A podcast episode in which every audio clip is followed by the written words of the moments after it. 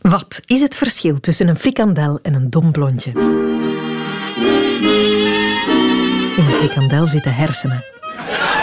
We kennen ze allemaal, hè? domme blondjes grappen. Maar waar komen ze eigenlijk vandaan?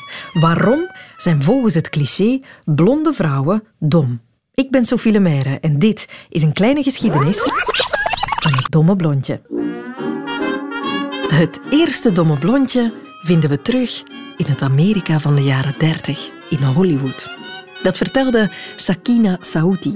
Zij is diversiteitscoördinator bij het Landelijk Kennisinstituut Cultuur, Educatie en Amateurkunsten in Utrecht. Het is eigenlijk begonnen in de tijd uh, waarin uh, een actrice Jean Arlo wereldberoemd werd door haar spierwitte geblondeerde haar. Mm En speelde vaak uh, dommige rollen. En door die combinatie van dom en blond werd het uh, domme blondje geboren.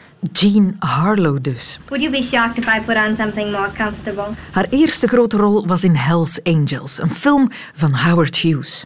Maar het was de tweede grote film waar ze in speelde die haar haar bijnaam opleverde, The Platinum Blonde. Say, that hurts a little bit.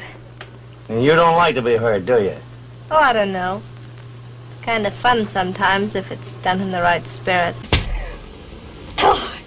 It. I like it. Do it again. Het platina-blonde meisje werd een fenomeen en een sekssymbool. Heel veel vrouwen, en zeker vrouwen die een showbiz-carrière ambieerden, volgden de modetrend, verfden ook hun haren blond en deden zich, net als Harlow, niet al te slim voor. En vaak met succes. Haar volgelingen waren bovendien niet van de minste. Link wat andere actrices, uh, denk aan Marilyn Monroe, die het co-creëerde. Dus uh, zij greep ook naar de blondeerverf. Paris Hilton staat in het rijtje, maar zelfs Madonna kan je noemen. Die heeft van oorsprong ook uh, donker haar. En toen zij haar haren blond had geverfd, zag zij dat haar platen stevast meer werden verkocht. Ah bon? Um, dus blond zelfs. Blond? Het bleek een businessmodel te zijn. Maar waarom werkt het zo? Waarom trekt blond mensen aan? Uh, ja, dan moeten we ook weer teruggaan in de tijd. En uh, bleekheid en blondheid die worden vaak geassocieerd met jeugdigheid. Uh, mannen die zien dat als aantrekkelijk, want het wijst op gezondheid, op vrouwelijkheid, op jeugdigheid en daarmee ook vruchtbaarheid.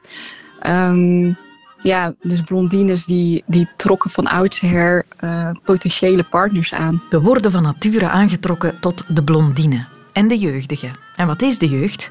Een beetje naïef misschien, een beetje dommig. Sorry aan alle jonge mensen die nu luisteren.